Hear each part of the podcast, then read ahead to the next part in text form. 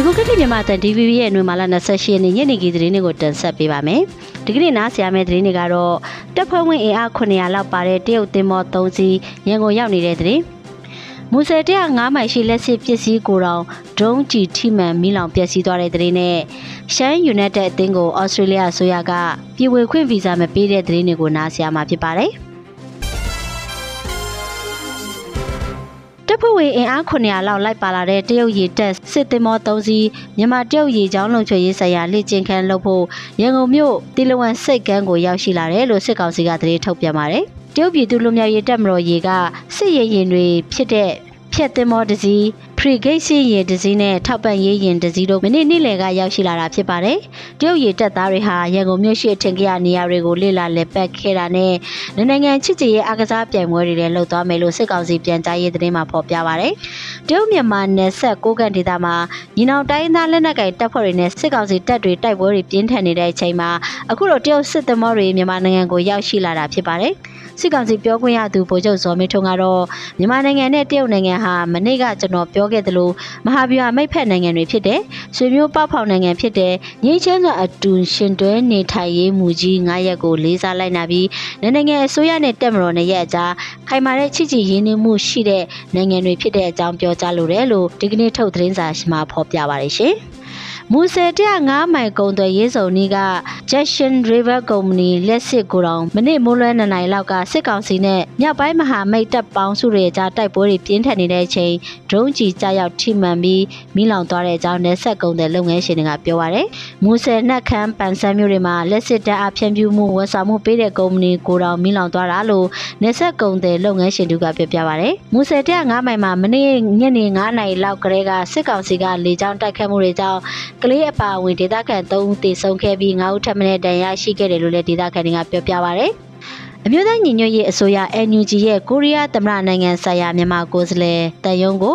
စိုးမြို့ခြေဆိုင်အီချွန်းရည်ကျင်းမှုဖောင်ဒေးရှင်းကလူမှုအကျိုးဆောင်စုရွေးချယ်ချီးမြှင့်လိုက်ပါတယ်။အီချွန်းရည်ကျင်းမှုဖောင်ဒေးရှင်းဟာပျော်ရွှင်စရာလူမှုအတိုင်းအဝန်တည်ဆောက်ရေးလူမှုနဲ့အတူတသားတဲ့တက်ကြွစွာဆောင်ရွက်ကြတဲ့လူမှုအကျိုးဆောင်ဖွဲ့စည်းတွေကိုနှစ်စဉ်ရွေးချယ်ပြီးစုချီးမြှင့်တာဖြစ်ပါတယ်။ဒီနှစ်မှာတော့အရင်နှစ်တွေတုန်းကလိုကိုရီးယားလူမှုဖွဲ့စည်းတွေကိုပဲရွေးချယ်တာမဟုတ်ပဲထူးထူးခြားခြားမြန်မာဒီမိုကရေစီရေးအတွက်တက်ကြွလှုပ်ရှားနေတဲ့ကိုရီးယားရှိ Energy ဆိုရကိုယ်စားလှယ်ရုံးကိုရွေးချယ်ခဲ့တာဖြစ်ပါတယ်။ NUG ရဲ့ကိုရီးယားနိုင်ငံဆိုင်ရာမြန်မာကိုယ်စားလှယ်ဦးရန်နိုင်ထွန်းက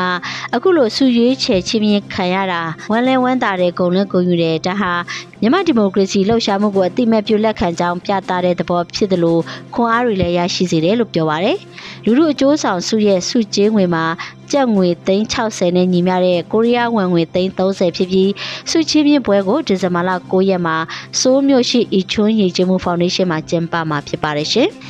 မြန်မာစစ်ပေးရှောင်ပြည်သူတွေအတွက်လှူဒန်းမဲ့ဂီတဖျော်ဖြေပွဲတစ်ခုကိုအရှိတောင်အာရှနိုင်ငံတွေကလူငယ်ဂီတပညာရှင်တွေစုစည်းပြီးထိုင်းနိုင်ငံချင်းမိုင်မြို့မှာနှွေမာလာ25ရက်နေ့ညနေပိုင်းကပြုလုပ်ခဲ့ပါတယ်။မြန်မာစစ်ပေးရှောင်ပြည်သူတွေအတွက်အထောက်ပံ့ဖြစ်စေဖို့ရည်ရွယ်ပြီးရလာတဲ့အကျိုးမြတ်တွေကိုလှူဒန်းပေးမဲ့ Mob Party ဂီတဖျော်ဖြေပွဲမှာထိုင်းဗီယက်နမ်နဲ့ဖိလစ်ပိုင်နိုင်ငံတွေကလူငယ်ပညာရှင်တွေပြင်မြန်မာလူငယ် hip hop ဆိုတော်တွေလည်းပါဝင်ဖျော်ဖြေခဲ့ပါတယ်။ MOB Party မှာချင်းမိုင်မျိုးရောက်ရှိနေတဲ့နိုင်ငံတကာဂီတဝါသနာရှင်တွေမြန်မာလူငယ်တွေလည်းလာရောက်ပါဝင်ဆင်နွှဲခဲ့ကြတာဖြစ်ပြီးဒီပွဲကရလာတဲ့အကျိုးမြတ်တွေကိုမြန်မာစစ်ပေးရှောင်တွေအတွက်လှူဒန်းသွားမယ်လို့ပွဲစီစဉ်သူလူငယ်တို့ကပြောပြပါတယ်။လက်ရှိဖြစ်ဖြစ်နေတဲ့မြန်မာအရေးနဲ့ပတ်သက်ပြီးစာသားတွေ hip hop ရည်ကျင်းမှုနဲ့ပတ်သက်တဲ့စာသားတွေနဲ့ဖျော်ဖြေတည်ဆိုခဲ့ပါတယ်ရှင်။ Australia Club Mac Arthur အသင်းနဲ့ AFC ဖလားရှင်ပြိုင်ရမယ့်မြန်မာ National League Club ရှမ်း United အသင်းကို Australia Federal အစိုးရကပြည်ဝင်ခွင့်ဗီဇာမပေးခဲ့ဘူးလို့အာဆီယံဘောလုံးအဖွဲ့ချုပ်ကနွေမာလာ29ရက်နေ့မှာထုတ်ပြန်ခဲ့ပါတယ်။ရှမ်း United အသင်းဟာ AFC ဖလားအုပ်စုပွဲစဉ်ဖြစ် Australia နိုင်ငံမှာနွေမာလာ30ရက်နေ့မှာ Mac Arthur အသင်းနဲ့ကစားဖို့ရှိပေမဲ့ Australia Federal အစိုးရကပြည်ဝင်ခွင့်ဗီဇာပေးဖို့ညှင်းပယ်ခဲ့ပါတယ်။ Mac Arthur အသင်းဟာပွဲမပြည့်မြောက်ပါကကလပ်နဲ့ဩစတြေးလျဘောလုံးအဖွဲ့ချုပ်တို့ကိုအာရှဘောလုံးအဖွဲ့ချုပ်တို့ကအရေးယူမှာဖြစ်တဲ့အတွက်အဆိုပါပွဲကိုဩစတြေးလျနိုင်ငံအစားထိုင်းနိုင်ငံဘန်ကောက်မြို့မှာရှိတဲ့ BG ပထုံအသင်းနဲ့ကွင်းမှာရှင်ပြိုင်သွားမှာဖြစ်ပါတယ်ရှင်။